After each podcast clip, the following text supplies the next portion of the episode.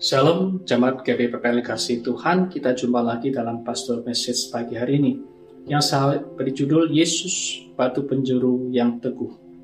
Kita akan baca terlebih dahulu dalam Matius 21 ayat 42 sebagai berikut. Kata Yesus kepada mereka, "Belum pernahkah kamu baca dalam kitab suci, batu yang dibuang oleh tukang-tukang bangunan telah menjadi batu penjuru. Hal itu terjadi dari pihak Tuhan." Suatu perbuatan ajaib di mata kita.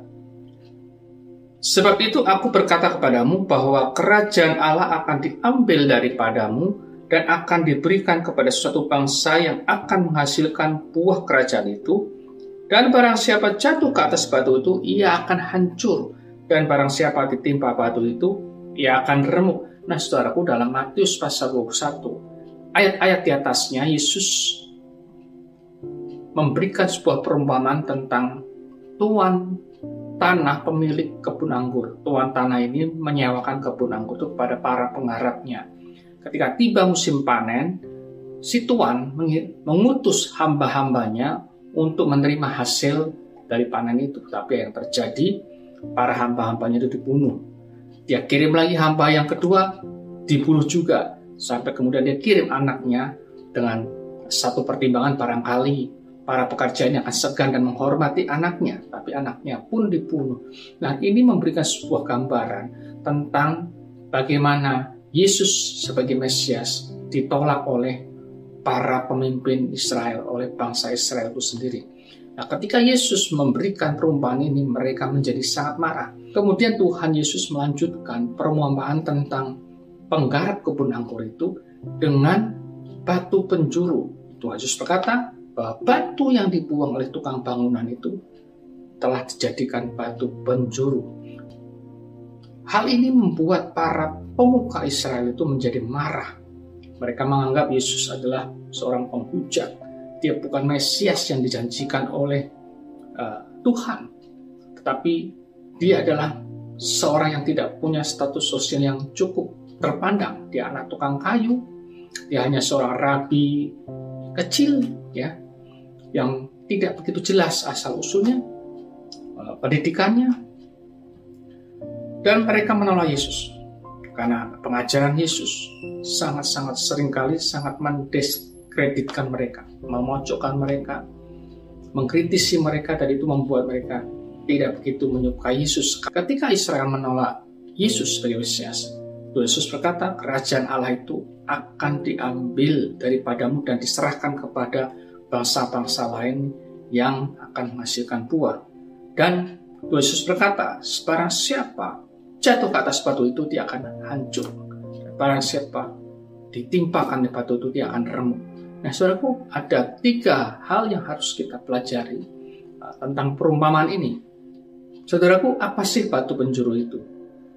Zaman sekarang, para insinyur dan arsitek membangun rumah, dia tidak memerlukan batu penjuru, saudaraku dia punya uh, gambar konstruksi, kemudian dia akan gali pondasi dan bangunan itu dengan cepat bisa berdiri.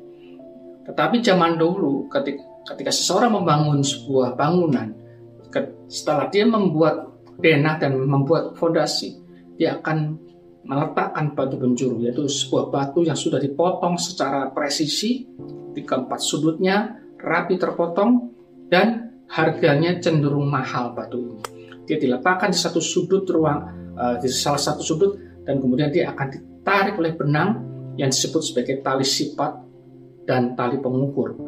Apa sih fungsi dari tali sifat dan tali pengukur ini, saudaraku? Fungsinya untuk menjadi acuan supaya dinding yang uh, di mana batu bata batu bata yang disusun itu akan tampak lurus, tidak miring, dan bangunan itu hasilnya akan indah, simetris uh, di setiap sudut ruangannya, saudaraku. Nah, batu penjuru itu adalah batu utama yang menjadi titik tumpuan dari batu-batu yang akan membentuk sebuah konstruksi bangunan. Batu penjuru juga batu utama yang akan menjadi titik tumpuan atau dasar dari batu-batu dan konstruksi bangunan yang akan berdiri di atasnya. Nah, dalam Efesus 2:19 Rasul Paulus menuliskan, demikianlah kamu bukan lagi orang asing dan pendatang, melainkan kawan sewarga dari orang-orang kudus dan anggota-anggota keluarga Allah yang dibangun di atas dasar para rasul dan para nabi dengan Yesus Kristus sebagai batu penjuru. Di dalam dia tumbuh seluruh bangunan rapi tersusun menjadi bait Allah yang kudus di dalam Tuhan. Dari sini kita belajar tiga kebenaran, saudaraku. Yang pertama, saudaraku, jangan pernah membuang Yesus dari hidup. Apa pun pergumulan kita, seberapa besar beban hidup kita, jangan pernah membuang Yesus dari hidup. Hari-hari ini kita dikagetkan dengan kesaksian seorang artis yang 13 tahun dia menemukan Yesus, mengiringi Yesus, melayani Yesus dari agama seberang, dia menjadi seorang anak Tuhan.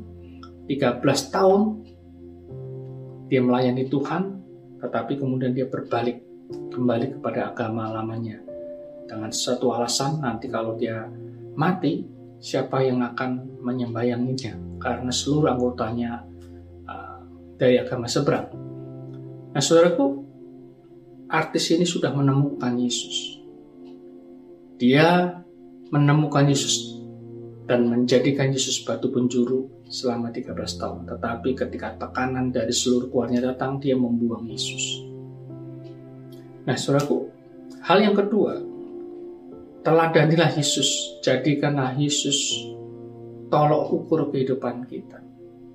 Kita diberkati oleh banyak hamba Tuhan, kita boleh mengidolakan hamba-hamba Tuhan besar, tapi di atas semuanya itu Yesus Kristus adalah teladan hidup kita. Ya, dalam keluarga, dalam pekerjaan atau bisnis, dalam kehidupan spiritual kita, pelayanan kita, pengajaran kita, maka seluruh kehidupan Kristus dia adalah batu penjuru hidup kita kita harus menteladani hidupnya supaya hidup kita menjadi berkat. Dan yang terakhir, saudaraku, hidup yang berdampak positif. Kristus adalah dasar yang teguh. Kita adalah batu-batu yang hidup yang tersusun rapi di atasnya. Hidup kita akan memberi dampak yang positif, yang baik ketika kita berhubungan dengan orang lain. Ya, kalau kita mengenakan dua sikap penting dalam hidup kita sebagaimana tertulis di dalam Yesaya 28 ayat 17 yang berbunyi sebagai berikut Sebab itu beginilah firman Tuhan Allah sesungguhnya aku meletakkan sebagai dasar di Sion sebuah batu.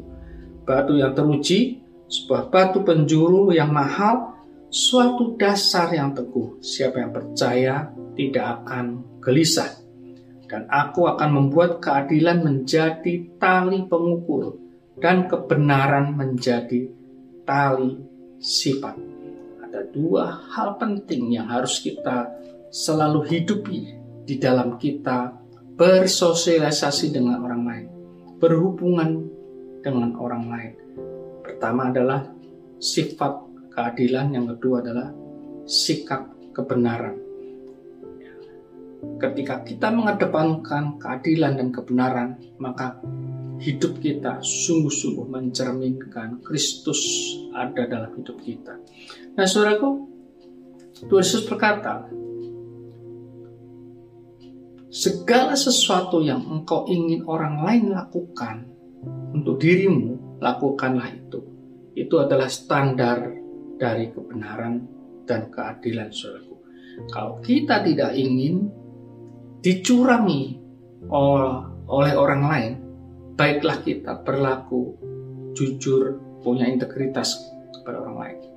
Kalau kita tidak ingin dijahati orang lain, kita pun harus menjauhi segala kejahatan. Itulah standar dari keadilan dan kebenaran. Kalau itu kita hidupi, maka kita menjadi batu-batu hidup yang akan menjadi sebuah bangunan yang dikatakan oleh baik Allah yang kudus. Tuhan Yesus memberkati.